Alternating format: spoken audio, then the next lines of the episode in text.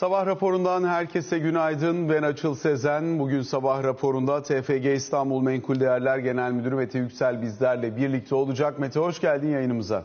Selam, hoş bulduk. Teşekkürler.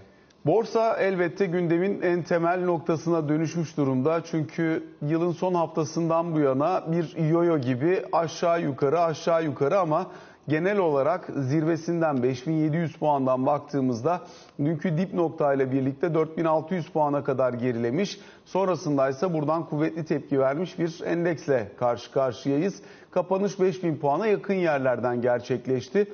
Öncelikle bu soluksuz yükselişin ardından gelen bu hareket bir düzeltme hareketi midir? Dünkü verilen tepki ve bunun gücü bu hareketin bittiği anlamına, yeniden bir yukarı denemesi anlamına gelir mi? Nasıl bakarsın? Ee, bence gelir. Yani 5100'ün üzerine de kapatmış olsaydık daha bundan e, gönül rahatlığıyla bahsedebilirdim ama bence bir e, tepki içindeyiz. Bu e, rallinin arkasındaki sebep alternatifsizlikti. Geriye gelmenin arkasındaki tetikleyici sebep de e, alternatiflerin ortaya çıkıyor olması e, mevzusu. Alternatifin ortaya çıkması da iki şeyden kaynaklandı aslında. Bu e, mevduatla ilgili faizler çok hızlı bir şekilde yukarıya gitmeye başladı. E, 30'u söylemek istemiyor bankalar ama Türk lirası vadeli mevduatta 29 e, ve 29,5 gibi rakamları duymaya başladık. Eş zamanlı olarak Aralık enflasyonu da e, fevkalade düşük geldi. Beklentilerin altında geldi. Aralık enflasyonunu zaten ekstrapole etsek işte önümüzdeki aylara da yaysak bu şekilde gidecek diye 25-30 bandına gelecek olan bir e, enflasyon var. Yani herhalde yıl ortalarında göreceğimiz bir seviye. E, bir anda e, negatif reel faizden sanki e, nötr reel faiz hatta belki bir miktarda reel faiz var mı acaba e, söylemine giden bir yola e, bizi sevk etti bu e, durum. Ondan dolayı da e, borsada bir miktar işte dengelenme çabası e, görüyoruz şu anda. Peki özellikle Aralık e, enflasyonunu ekstrapole ettiğimiz zaman diyorsun yani yaklaşık 1.2 puanlık bir enflasyon vardı. Fakat tabii Aralık ayı biraz daha müstesna bir ay. Zira e, oradaki enflasyondan sonra işte fiyatı yönetilen yönlendirilen kalemler, yeniden değerleme oranı artışı, Ocak enflasyona aylık bazda baktığımızda nispeten yüksek kalabilir. Enflasyon paterninin değiştiğini düşünüyor musun? 25-30 bandına doğru gidecek bir enflasyon beklentisinin içerisinde. Yoksa bir miktar da talep enflasyonu gelecek çünkü asgari ücret artışı, emekli aylığı artışı vesaire gibi unsurlar da var. Perakende sektörü pek çok üründe fiyat dondurmasına gitti. Üzerine kurda da çok anlamlı bir artış görmüyoruz. Üzerine şimdi restoranlar da işte birlik olmuş bir şekilde e, önümüzdeki 6 ay fiyatlara zam yapmayacağız gibi e, bazı konuşmalar içine girdiler. Yani burada e, elbette ki normal arz talep dengesinin dışında bazı unsurlar da var ama e, 20'yi görmeyecek olsak da 30'lara yakın bir seviyeye doğru e, geleceğimizi görebiliyorum. Yani reel faizin e, ufak ufak ortaya çıktı. En azından sıfıra doğru gittiği bir yoldayız. Bir de bunun üzerine unutmayalım ki hani %50 diye yola çıktığımız Türk lirası mevduatın toplam içindeki payının 60'a yükseltmesi, 70'e hedef konması gibi unsurlar da önümüzdeki dönem Türk lirası vadeli mevduatta faiz düşüşünü e, bence imkansız hale getiriyor. Bundan dolayı da çok büyük ihtimal önümüzdeki dönemde 30'un üzerindeki seviyeleri de e, görmeye başlayacağız bu Türk lirası vadeli mevduatta. E, bunun üzerine ekstra alternatif olarak işte daha önce opsiyon satılması ama bunun delta hedge'inin yapılması vesaire gibi konularla kur korumalı mevduatta dolardan dönenler için e, orada bir tatlandırıcılar söz konusuydu. Önce o bir gitti. Şimdi delta hedge'i yapılmamış bir şekilde yaparsan e, geri geldi diye yani e, kur korumalı mevduata sen e, geç dövizini geçir işte sana burada bir alternatif var gibi e, farklı şeyler yani sadece Türk lirasından kaynaklanmıyor e, olay. E, ama uzun lafın kısası şöyle bir mevzu var. E, borsa hala cazip ama ufak ufak alternatifinin ortaya çıkıyor olması o 45 derece açıyla sürekli e, yükselen bir borsanın e, önüne doğru kırıyor e, diyebiliriz ama ben burada bir dengelenme bekliyorum. Bundan sonra düşüşü görmeyi beklemiyorum ama işte 5700 4700 arasındaki bir yerlerde gitgeller yapacak ve bunu belki aylar boyu koruyacak bir e, testere formasyonunda borsa gör, göreceğimizi tahmin ediyorum. Burada tabii o testerenin e, bandının nerede olacağı belirleyici olacak ya onu nerede öngörüyorsun? E, bant geniş dediğim yani 5700-4700 arasında e, gitgeller görebileceğimizi tahmin ediyorum orada. E, hani Fibonacci olarak baktığımız zaman diyeyim hani teknik tarafa gireceğiz ama 5700 zirvesiyle 3100 Eylül sonunda gördüğümüz tarafa e, Fibonacci geri çekilme seviyeleri olarak baktığımız zaman hani orada daha daraltırsam bandı bugünlere uyarlarsam 4700-5100 arası diyebilirim bir süre gideriz. Ama daha üst limiti koyduğumuzda 5700 zirvesiyle 4700 arasında zikzaklar yapacağımızı düşünüyorum. Ama sadece teknikte konuşmamak lazım. Ee, iyileri ve kötüleri yan yana koyarak bakmamız lazım. Ee, mesela üçüncü çeyrekte hayal kırıklığına uğratmış olan bizi sektörler vardı. İhracatçı sektörlerin karları geldi üçüncü çeyrekte. Ya herkesin beklentisinden daha zayıf marjlar, daha zayıf satışlar e, gördük. Kur kaynaklıydı bu. Dördüncü çeyrekte her ne kadar kur oldukça stabil gitse de dolar tarafında oldukça stabil gitti. Euro yükseldi. Yani 3 ay önce 0.98'lerden bahsederken bugün 1.08'in üzerindeki bir euro kurundan bahsediyoruz. İhracatçılar bir kere bundan faydalanıyor. Ee, her ne kadar kendi içinde eleştirilecek tarafları maliyetlerin artışından dolayı o taraftan gelen işte e, ağlamalar olsa da aslında fena da geçmemiş olan bir dördüncü çeyrek var. İhracatçı şirketler için kim oluyor bunlar? İşte hazır giyimciler, hazır gıdacılar, e, beyaz eşya, otomotiv, yani ihracattan sayabiliriz. Turizm de fena gitmedi, havacılık. E, onun için dördüncü çeyrek iyi olacak. Bunu 2023'e de koyabiliriz. 2023'te de bahsettiğim sektörlerin performansının iyi gitmesini bekliyorum. Ama öteki taraftan da bankacılık sektörü bu e, testere formasyonuna katkı sağlayacak bir sektör. Çünkü dördüncü çeyrekte muhteşem karlar görmeye başlayacağız. İşte Ocak sonunda ilk e, karı Akbank'tan alacağız büyük ihtimalle. E, fakat birinci çeyrek 2023'te çeyrekten çeyreğe bakıldığında herhalde bankacılık tarihindeki en sert çeyrekten çeyreğe daralma performansını göreceğiz karlarda. Ondan dolayı ben dördüncü çeyreği satın almaktansa dördüncü çeyreğe giden yolda biraz banka ağırlığımı azaltıp düşük ağırlıkla 2023'te devam etmeyi tercih ederim. Son çeyrek bilançoların içerisinde ayrılacak olan karşılıkları nasıl görürsün diye de sana sormak istiyorum. Çünkü karın nereden geldiği belli bankalar açısından ağırlıklı olarak tüfeks kağıtlarından geldi. Dolayısıyla oradaki karı daha fazla ön plana çıkartarak daha yüksek kar yazmanın çok bir anlamı olmayabilir bankalar için. Eğer ki bu yıl içerisinde bir noktada konvansiyonel bir para politikasına geçilecekse orada kullanabilmek için gerek kredi portföyünde gerek menkul kıymet portföyünde bir miktar daha karşılık ayırma isteği söz konusu olabilir mi son çeyrek karlarında? Hem de nasıl? Yani e, birinci, ikinci, üçüncü çeyrekte de karşılık ayırarak geldi bankalar ama e, hiçbir tanesinde işte Ekim enflasyonu belli olmadığından dolayı %85 getirili bir enstrüman yoktu enflasyon endeksi tahviller. Hatta 1, 2, 3'te ayırmamış, eksik ayırmış, 20'şer puan eksik ayırmış oldukları faizi de 2, 4, 6, 60 puan alıp o 85 puanın üzerine koyup inanılmaz getirili bir e, varlık sınıfı yaratmış olacaklar dördüncü sınıf, dördüncü çeyrekte. E, bu e, aşağı çekebilmek için yapacakları ya serbest karşılık ayırmak vardır ki bazı bankalar bunu tercih etmiyor çünkü e, aşırı miktarda serbest karşılık ayırdığınız zaman e, işte e, denetçi görüşü biraz daha olumsuz evrilmiş olarak karşınızda e, buluyorsunuz. Ya da onun yerine diyorsunuz ki bence şu krediler benim kendi e, öngörümdedir, kendi banka olarak discretion'ımdadır bu. E, bir ihtimal e, problemli hale gelebilirler 2023'te. Onun için ben bunlara karşılık ayırıyorum diyorsunuz.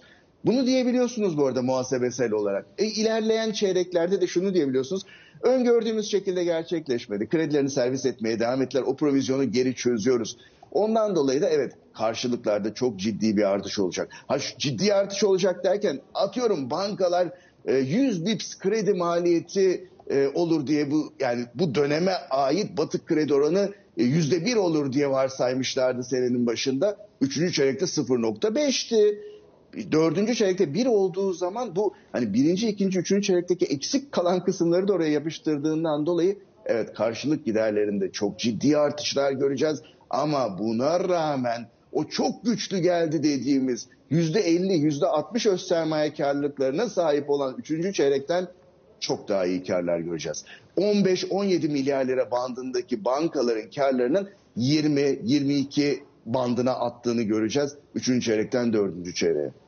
Şimdi yine bankalarla ilgili iki tane önemli soru var. Bunlardan bir tanesi bu kadar yüksek karlar görülecek. Fakat bir taraftan da BDDK burada temettü konusundaki talepleri nasıl karşılayacak? Beklenti nedir? Şöyle temettü tarafında çok e, zaten bankaların kendisi de e, o temettüyü dağıtmayı çok arzu etmeyebilirler 2023'te. BDDK'nın da sınırlayıcı olacağını tahmin ederim.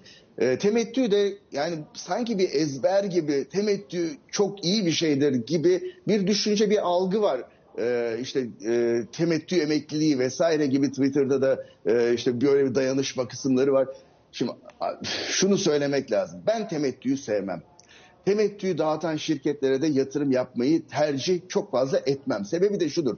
Ben o temettüyü aldığım zaman en iyi ihtimalle en yüksek e, işte faiz veren bankaya yüzde 29 ile koysam e, belki başa baş getiririm onu enflasyonla. Ben isterim ki şirket bana temettüyü dağıtmasın. Şirket o temettüyü içeride tutup kendi operasyonlarında büyümek için, yatırım yapmak için kullansın. 3-5 sene sonra ben çok daha fazla temettü alırım o şirketten. Şu anda ben onu değerlendiremeyeceğim. Onun için ben büyümeyi temettüye tercih eden taraftaki bir yatırımcıyımdır. Herkese de bunu tavsiye ediyorum. Onun için temettünün azalacak olması benim için bir dert değildir. Operasyonlarda kullanılsın. E, diyoruz işte yani e, karı %60'tı şimdi %60'ın bile üzerinde olabilir bankaların dördüncü çeyrekte. Buradan geçeyim ee, özellikle bankacılık tarafı için konuştuk. Bu arada bankalar arasında özel bir tercihiniz var mı? Şu daha fazla ön plana çıkabilir ya da orta vadede elde tutmak için şuranın portföyü daha avantajlı diye. Hayır öyle bir şey söylemeyeceğim. Peki o zaman geçiyorum diğer tarafa. Yine mali sektörün bir başka bacağı. Özellikle sigortacılık sektörü kısmını sormak istiyorum sana. Halka açık sigorta şirketleri de var. Genel anlamıyla dönüp baktığımız zaman oradaki performansları operasyonel açıdan ciddi zararlar, mali açıdansa karlı bir ortamda karşı karşıyalar. Fakat genel anlamıyla bir sermaye ihtiyacı ortaya çıkma potansiyeli söz konusu olabilir mi? Ee, özellikle halka açık sigorta şirketleri için ne söylersin? Regülatörün bazı e, işte yumuşatıcı ve bu tansiyonu düşürücü yaklaşımları var. Bunun etkili olduğunu görebiliyoruz. Sigorta poliçe fiyatlarının da çok ciddi arttığını görüyoruz. Bu karlara çok çok olumlu yansıyacaktır. E, ondan dolayı aslında karlılığın evrildiği yer olarak sigorta sektörünü beğeniyoruz. Fakat şunu da unutmamamız lazım. E, ekonominin yavaşladığı, çarkların daha yavaş döndüğü ortamlarda yanmayacak fabrikalar yanabilir, batmayacak gemiler batabilir. Ondan dolayı nakit ihtiyacı baş gösterdiği zaman e, bir takım ekstradan ödemeler yapılması durumu hasıl olabilir. Beni sigorta sektöründe en çok korkutan şey budur. Özellikle büyüme yıllarından sonra ani bir daha e, yavaş giden yıla evrildiğimiz zaman bu korku daha fazla hasıl olur. Çünkü geçmiş olarak baktığımız zaman bu hep bu şekilde gerçekleşmiştir. Artı e, şunu da söyleyelim. Yani bu negatif nakit döngüsü olan perakende sektörü şirketleri gibidir birazcık sigorta şirketleri. E, işte hasar prim oranları yüzde yüzün üzerindedir. Aslında kendi teknik e, işlerinden çok da fazla para kazanmazlar. Fakat senin de en başta bahsettiğin gibi finansal tarafta e, bunu kompanse ederler, net kâra yansıtırlar. Finansal tarafta çok da fazla kompanse edecek e, risksiz varlık şu anda yok. Tamam borsaya gitmiş de farklı enstrümanlar e, özel sektör tahvili gibi biraz daha riski yüksek enstrümanları değerlenenlerin getirisi yüksek olabilir ama yine de anlamlı bir getiri çok da elde etmiyordu e, sigorta şirketleri. Şimdi içinde bulunduğumuz durumda teknik karlılıkta inanılmaz bir artış görüyoruz. En azından e, işte üçüncü çeyrekte bunun sinyallerini aldık. Dördüncü çeyrekte de bunun devam etmesini bekliyoruz. Sanki bu tarafta böyle bir evrilme oldu. Eğer ki 2023 içinde reel faizler daha çok e, ortaya çıkarsa e, belki hani teknik karlılıktan feragat edecek bazı hasarlar olacak ama eldeki nakit o kadar iyi değerlendirilecek ki net karlar bundan beslenecek gibi bir senaryo ortaya koyabilirim. Peki geçelim sanayi sektöründeki şirketlere ve sanayideki performansa genel anlamıyla. %10'un üzerinde bir büyüme, arkasından %5'in üzerinde bir geçen yıl büyümesi beklentimiz var. Dolayısıyla şimdi büyümenin biraz daha boynunu aşağıya doğru çevirdiği, 3,5'lar civarında büyüme beklentilerinin hasıl olduğu bir ortamla karşı karşıyayız. Özellikle Bu cephede sanayi tarafındaki performansı nasıl görürsün? Sanayi üretiminde nispi bir gerileme var. Kalıcı mı değil mi bakabiliriz. PMI verilerinde genel anlamda yeni siparişlerde bir miktar geri çekilme söz konusu. Bir de stok tarafında e, önceden yapılmış olan stokların yavaş yavaş erimeye başladığını, biraz daha stok inşasının söz konusu olduğunu görüyoruz. E, bu bağlamda bakınca sanayi şirketlerinin nakit döngüsü açısından ne söylersin? Şimdi e, sanayi üretimine baktığımız zaman sanayi üretiminin gidişatı bizim dördüncü çeyrekte çok zayıf bir büyümeye sahip olacağımız ama yılın tamamı için yine dört buçuk beşleri e, görürüz ama dördüncü çeyrek bir miktar e, zayıf olacaktır. Biz sanayi tarafında şöyle ikiye ayırabiliriz. İhracatçıları bir yana koyalım. En başta bahsettiğimiz gibi hani hazır giyimi, hazır gıdası, beyaz eşyası, otomotivi e, ve turizm e, ilgili sektörlerin bu ortamda olumlu etkilenmesini bekliyoruz. Yok kısmı e, ayıralım. Sanayi dediğimiz zaman mesela e, bir takım döngüsel şirketler var. Döngüsel şirketler demir çeliği var bunların içinde petrokimyası var. Bu döngüler de hani 3 yıl 5 yıl süren döngülerdir. 2022'de bu döngünün en zirvesini geride bıraktık. Yani önümüzdeki dönemde ağır sanayiye hizmet eden işte demir çelik entegre tesisleri e, düşünelim ya da petrokimya plastik üretimi ve onun ham maddesi e, kısımlarında karlılığın azaldığını göreceğiz. İşte etilen nafta spreadini her hafta takip ediyoruz. Yani 8. hafta mı her hafta e, daha zayıf e, bir şekilde ilerliyor. Ha, son dönemde şu oldu. Çin'in açılmasından dolayı biraz demir çelik fiyatlarında e, hafif bir oynama oldu yukarıya doğru. İşte hem demir cevheri fiyatları yükseldi ama demir cevheri fiyatındaki yükselişten daha fazla işte sıcak haddelenmiş çelik fiyatları ya da hurda çelik fiyatları yükseldi. Onun için yani birinci çeyrekte belki demir çelikçiler dördüncü çeyreğe kıyasla birazcık daha iyi bir performans gösterirler ama yapısal olarak benim bulunulmasını tavsiye ettiğim sektörlerden biri değildir. Belki kısa vadeli gir çık amaçlı, alsat amaçlı dördüncü çeyrek e, sonrası dönem için e, bir şey denenebilir demir çelikçilerde ama uzun vadeli olarak bu döngü bitene kadar şimdilik önermiyoruz. Özellikle burada birçok farklı konu da söz konusu. Gerek enerji maliyetleri, gerek girdi maliyetleri, gerek marj daralması, gerek Çin'in attığı adımların piyasadaki ekstra yansımaları gibi demir çelik tarihinin en zor dönemlerinden bir tanesini geçiriyor gibi görünüyor. Bu tarafı için biraz daha derinlemesine analiz yapmak ister misin? Yani bu e, scrap fiyatlarına bakıyoruz. Yani hurda fiyatlarına inanılmaz hızlı bir şekilde artıyor. Hurda fiyatının inanılmaz hızlı artması aslında yani birinci çeyrek için konuşuyorum bunu. Hurda fiyatları bu şekilde artıyorsa entegre demir, e, entegre çelik üreticileri Türkiye'de e, oldukça lokal maliyetle demir cevherini elde ediyorlar. E, ama e, nihai mamul fiyatları işte gerek uzun çeliğin e, ham madde, rebar gerek işte hot rolled coil dediğimiz e, yassı çelik fiyatlarında çok hızlı bir e, artış var. Entegre ürettiğiniz zaman dünyadaki demir cevheri fiyatlarındaki çok hızlı artıştan aslında birebir etkilenmiyorsunuz. Siz daha uzun vadeli Türk lirası kontratlarınızı yapmışsınız. Bundan dolayı da hani birinci çeyrekte e, bu sebepten dolayı e, çeyrekten çeyreğe bir atılım olma ihtimali olduğunu düşünüyorum. Ama yine en başa atacak olursam kendimi bu bir emtiadır, döngüseldir. Döngü de aşağı e, başı vermiştir. Çok büyük ihtimalle birkaç yıl boyunca devam edecek düşük marjlı bir dönemin en başındayız. Peki bunun dışında son dönemin çok gözde olan hisseleri oldu ya.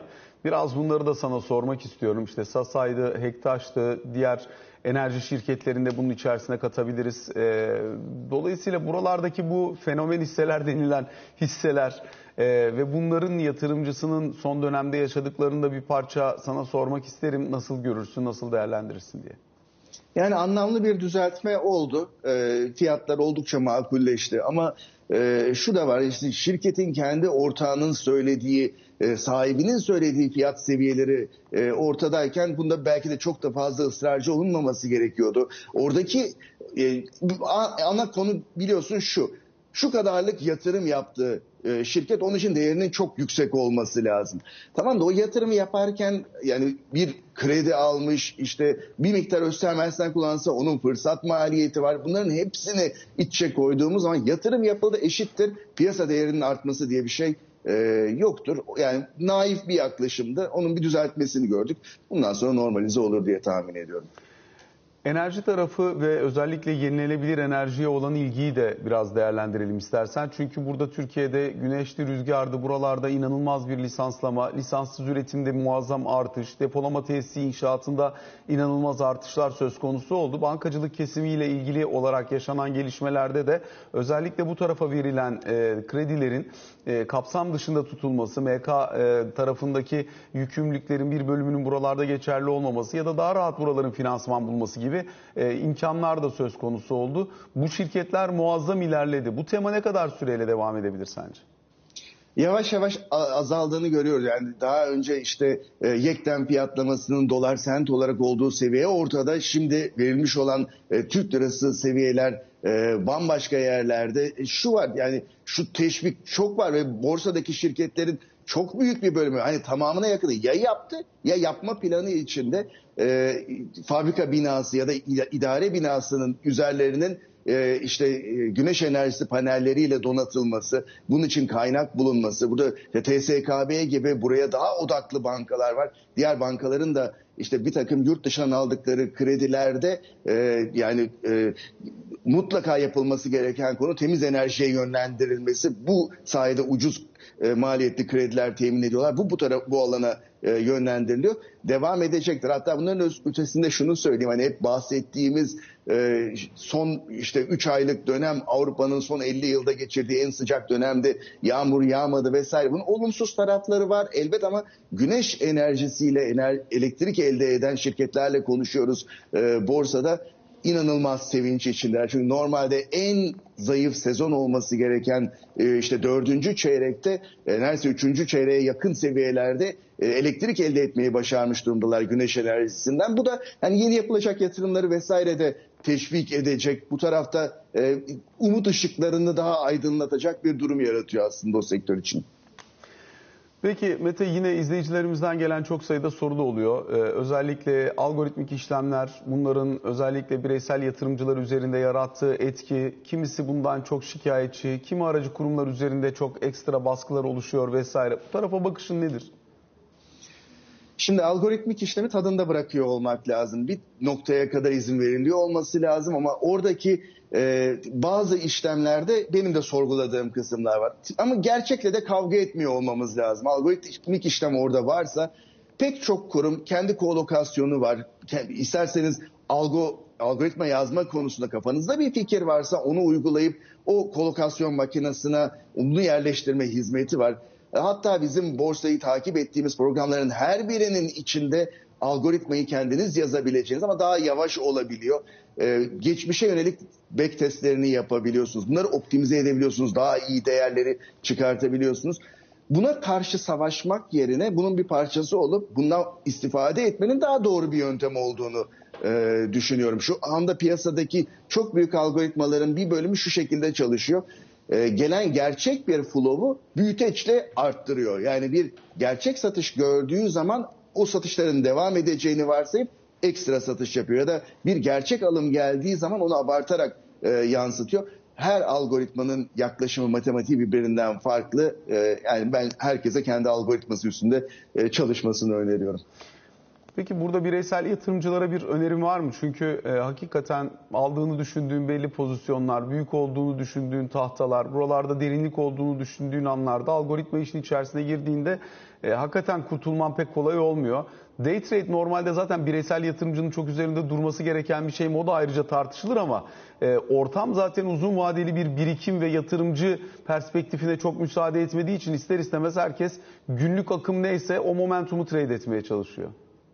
Şimdi Tik Data üstünden işlem yapan işte MIT mezunu süper akıllı e, işte, algoritma hazırlayan çalışanları olan o büyük kurumlarla baş etmek yerine e, farklı şekillerde para kazanılabiliyor algoritmalar üstünden. Farklı teknik indikatörler, işte makine öğrenmesinin sonucunda çıkan bazı algoritmalar, e, bunu servisini sağlayan pek çok şirket de var ki bunlara erişim hakikaten önümüzdeki fiyat terminalinin sol üst köşesinde erişebildiklerimiz dahi var bunlarda.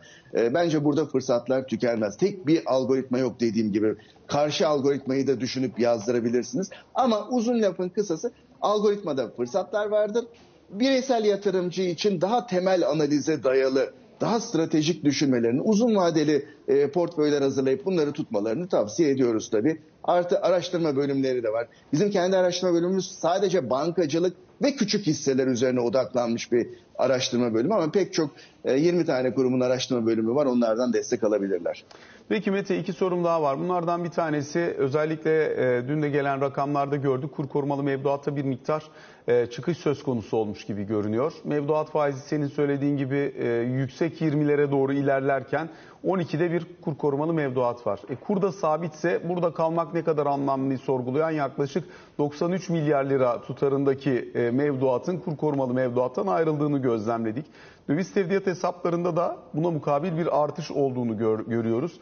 E, son dönemde yapılan düzenlemelerden sonra bankaların bilanço dışına döviz e, pozisyonlarını taşıma eğilimi de tersine döndü. Dolayısıyla o gördüğümüz çok sert aşağı DTH hesabının muhtemelen tersine döndüğünü de görme olasılığı var bundan sonrası için. Bu bacak için ne söylersin? Bir. İkincisi de özellikle yeni bir ürün, biraz daha hibrit bir ürün, kur korumalı mevduatın biraz daha geliştirilmiş bir e, versiyonu bunun üzerinde çalışıldığını anlıyoruz. Ne dersin? Evet öyle görünüyor. Çünkü en nihayetinde kur korumalı mevduatta 9 artı 3 yani politika faizi artı 3 puan gibi bir sınır var. O 3 puanı daha gevşetmeleri halinde yukarıya itmeleri halinde e, kredi faizlerinin de yukarıya gitmesi gerekecek ki bu arzu edilen bir şey değil. Onun için bu e, pek yapılmıyor gibi. Öteki taraftan e, dövizden dönüldüğü takdirde e, ekstradan bir e, işte orada prim ödenmesi söz konusu idi.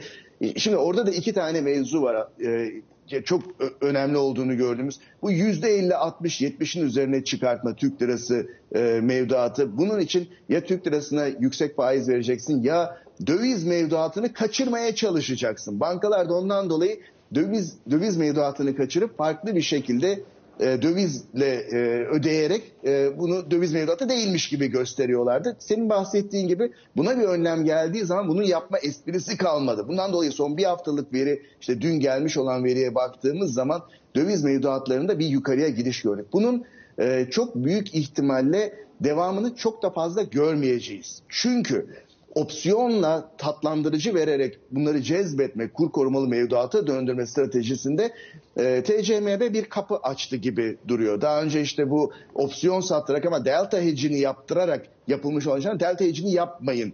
E, ama bunu bu şekilde yapabilirsiniz den. Yani döviz mevduatını kur korumalı mevduata döndürüp üzerine ekstra e, bir şey ödeyebilirsiniz. O bir şeyin adı da artık sanki opsiyon satış primi değil de birazcık komisyona dönmüş bir şey. Yüzde altı, altı buçuk gibi bir komisyon ödemek kaydıyla bankalar işte e, dövizde duran paraları kur korumalı mevduat tarafına e, şu anda kanalize ediyorlar. Ondan dolayı da döviz mevduatlarında artışın bu hızla devam etmesini beklemem.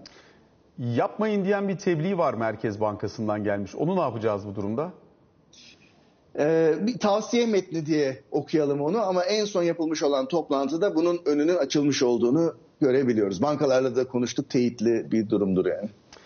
Mete Yüksel çok teşekkür ediyoruz. Yayınımıza katıldığın, değerli görüşlerini bizlerle paylaştığın için kısa bir aramız var. Sonrasında Ali Can Türkoğlu ile birlikte yeniden karşınızdayız.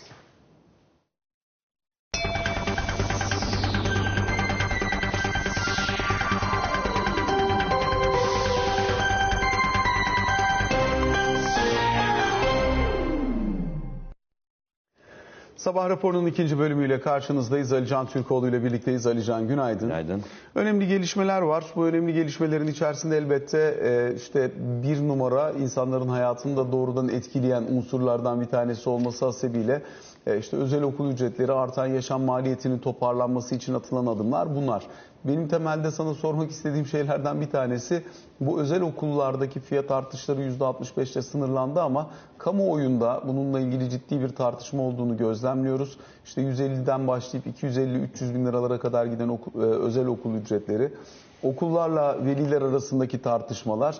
Dolayısıyla e, burada bir de rekabet soruşturması var. Ankara'da belli başlı okullara artı e, İstanbul'da özellikle Fransız kolejlerine yönelik olarak bir e, rekabet soruşturması var. Nasıl geliyor? Şimdi sonla başlayayım rekabetin soruşturması. İstanbul'da dediğin gibi 5 Fransız okulu, Ankara'da da 8 okulla ilgili olarak bir soruşturma başlatıldı. Bir ön araştırma yapılmış. Bu ön araş- araştırmadaki e, bulguların yeterli bulunduğu e, ve ciddi bulunduğu e, sebebiyle, ciddi bulunması sebebiyle e, bir soruşturma başlatıldı. Buradaki şüphe ortak fiyat tespiti yaptıkları şüphesi. Yani bu okulların e, kanuna aykırı bir şekilde fiyatları ortak olarak belirlediği, dolayısıyla rekabeti engelledikleri yönünde bir iddia var. İşte bu soruşturuluyor şu an itibariyle. E, çünkü kanun maddesi ona baktım şimdi. Kanun maddesi ne diyor diye. E, 1, 5 ve 9. sınıflarda esnek fiyat artışı uygulanabiliyor ya. Şimdi aralarda %65. Bunu e, Milli Eğitim Bakanlığı açıkladı ama ara sınıflarda e, okullara bırakılıyor o fiyat Yani artışı. i- anaokulundan ilkokula geçişte, ilkokuldan ortaokula geçişte, ortaokuldan liseye geçişte serbest. Serbest. Rekabetin korunması hakkındaki kanunda da dördüncü maddede de soruşturmanın nedeni yedi yeni kademeye başlangıç sınıflarında bu okulların, söz konusu okulların birlikte hareket edip kanuna aykırı bir şekilde ortak fiyat belirledikleri yönünde bir iddia var.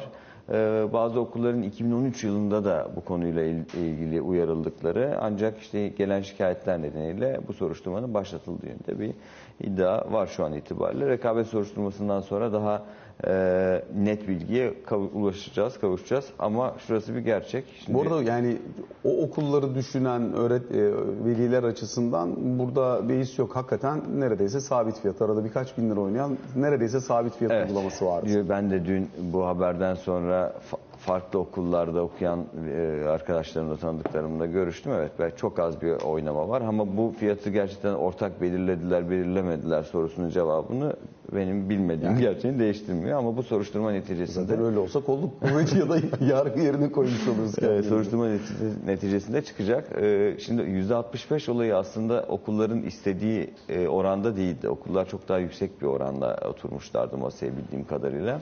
Görüşmeler neticesinde belirli bir noktaya ulaşmıştı. Ancak %65'ten e, memnuniyet konusu hala tartışmalı. Dolayısıyla burada özel okullara bir takım destek desteklerin verilebileceği de ifade ediliyordu aslında e, yetkililer tarafından. Şimdi son KGF paketindeki e, destek paketlerinden birisi de okullara yönelik aslında. Özel okulların harcamalarına yönelik. Bu bundan sonra mı eklendi oraya onu bilmiyorum ama şu an itibariyle bu tartışmanın devam edeceğini söyleyebiliriz. %65 oranı sabit. Yani bu değişmeyecek. Okulların buna uyması da sağlanacak ama e, eğitim ücreti dışındaki diğer ücretlere okulların yapacağı e, %65'in çok daha üzerindeki artışlarla ilgili olarak herhangi bir hamle yapılacak mı? Onun cevabı şu an itibariyle hayır. Yani eğitim ücretinde %65'te tutabilir. Ancak diğer ücretleri daha fazla artırarak eğitim ücretindeki bekledikleri marja ulaşabilir mi okullar? Ulaşabilir gözüküyor. Dolayısıyla bu tartışma e, hiç de bitmeyecek gibi de e, görünüyor benim anladığım kadarıyla. O dediğin rakamlar ve fazlası e, ne yazık ki eğitim ücreti olarak bu sene ödenecek gibi gözüküyor. Memur e, ve emekli maaşlarının yanında sözleşmeli personel şimdi yasal düzenleme bekleyen taraf. E, Dolayısıyla meclisin gündeminde neler var? Aslında e, dün gelmesi bekleniyordu ama bugün itibariyle gelecek. Muhtemelen öğlene kadar Türkiye Büyük Millet Meclisi'ne de sevk edilmiş olur. Oldukça önemli. Normalde ilk taslak 12 maddeydi. 3 madde çıkarılmış ya 9 ya 10 madde olarak gelecek. E, Türkiye Büyük Millet Meclisi'ne yaklaşık 500 bin personelin faydalanacağı ifade ediliyor buradan. Şimdi düzenlemeden faydalanabilmek için 3 yıl çalışma şartı aranacak, 1 yılda aday memurluk süreci olacak zaten. Bu daha öncesinde de kısmen bahsedilmişti bundan. Ee, buradaki önemli olan seninle yanlış hatırlamıyorsam ya geçen hafta ya bu haftanın başında konuştuk. Şimdi kamu kurum ve kuruluşlarında çalışan sözleşmeli personelin kadroya geçişi var. Ama e, bendeki son bilgi belediyede çalışanların da bundan faydalanabileceği yönünde. Dolayısıyla kapsam daha da genişletilmiş Eğer gibi öyle gözüküyor. olursa belediyeler artı iştirakleri dediğimizde daha büyük bir Evet toplamda 500 binin e, bir- bir tık üzerinde belki olabileceği söyleniyor. Tam sayıyı bilemiyorum şu an itibariyle ama e, 4B maddesi kapsamındakiler kamu kurum kuruluşlarındaki sözleşmeli personel, belediyelerde çalışanlar e, toplamda işte 200 binin üzerinde bu var. Bunun dışında da zaten sözleşmeli öğretmen, sağlık görevlileri ve din görevlileri. Tüm bunların bu değişiklikten faydalanabileceği ifade ediliyor. Dolayısıyla e, 3 yıllık çalışma şartı nedeniyle belki tüm sözleşmeleri kapsamıyor olabilir ama benim hesaplamama göre neredeyse kamudaki sözleşmelerin çok büyük bir kısmının faydalanabileceği bir e, gelişme olacak gibi. Dediğim gibi bugün itibariyle ölene kadar meclise sevki bekleniyor. E, kullanılmayan izinlerin bir sonraki yıla aktarılabileceği, kadroya geçildiğinde kamu görevlilerinin tüm haklarının sözleşmelere de verileceği gibi detaylar da var. Dolayısıyla kamuda eğer bu düzenleme bu şekilde gelirse ve geçerse kamuda tüm çalışanlar, kadrolar arasındaki tüm farklılıklar ortadan kalkıyormuş gibi gözüküyor. En azından şu anda benim elde ettiğim bilgileri birleştirmemden çıkarımım bu. Ee, Dolayısıyla evet dediğim gibi memur ve e, emeklilerin %30 zammı zaten resmi gazetede yayınlandı ve yasalaştı. EYT muhtemelen gelecek hafta salı veya çarşamba günü meclise sevki sağlanacak bendeki bilgiye göre. Ee, Dolayısıyla Ocak sonuna kadar meclis süreci bitecektir. Sonra yasalaşma süreci. e, onda da artık son noktaya gelindi. Sözleşmelerin kadroya geçişte dediğim gibi bugün öğle saatlerine kadar meclise sevki sağlanacaktır. Meclis sevkinden sonra elimizde taslak e, olunca daha detaylı bilgi veririz ama bilgiler az önce söylediğim gibi. İyi Parti Genel Başkanı Meral Akşener'in bir rahatsızlığı oldu. Kendisine de geçmiş olsun diyelim. olsun Ee, diyelim. son bilgi, son durum nedir orada? Ee, Bugün taburcu olacak olacağı söylendi. Ee, Dün akşam da görüştüm yetkililerle de. Dün akşam da iyiymiş. Bir çarpıntı hissettiği için e, acil bir şekilde götürülüyor hastaneye. Ancak e, önemli bir şey olmadığı ifade ediliyor. Gözlem altında tutulmuş dün gece. E, bugün itibariyle taburcu olması, o taburcu olacağı ifade ediliyor. E, dolayısıyla tekrar geçmiş olsun diyelim ama önemli bir sağlık sıkıntısı yokmuş gibi görünüyor. Ali Türkoğlu teşekkür ediyoruz ve böylelikle sabah raporunu bugün için son noktayı koymuş oluyoruz. Hoşçakalın.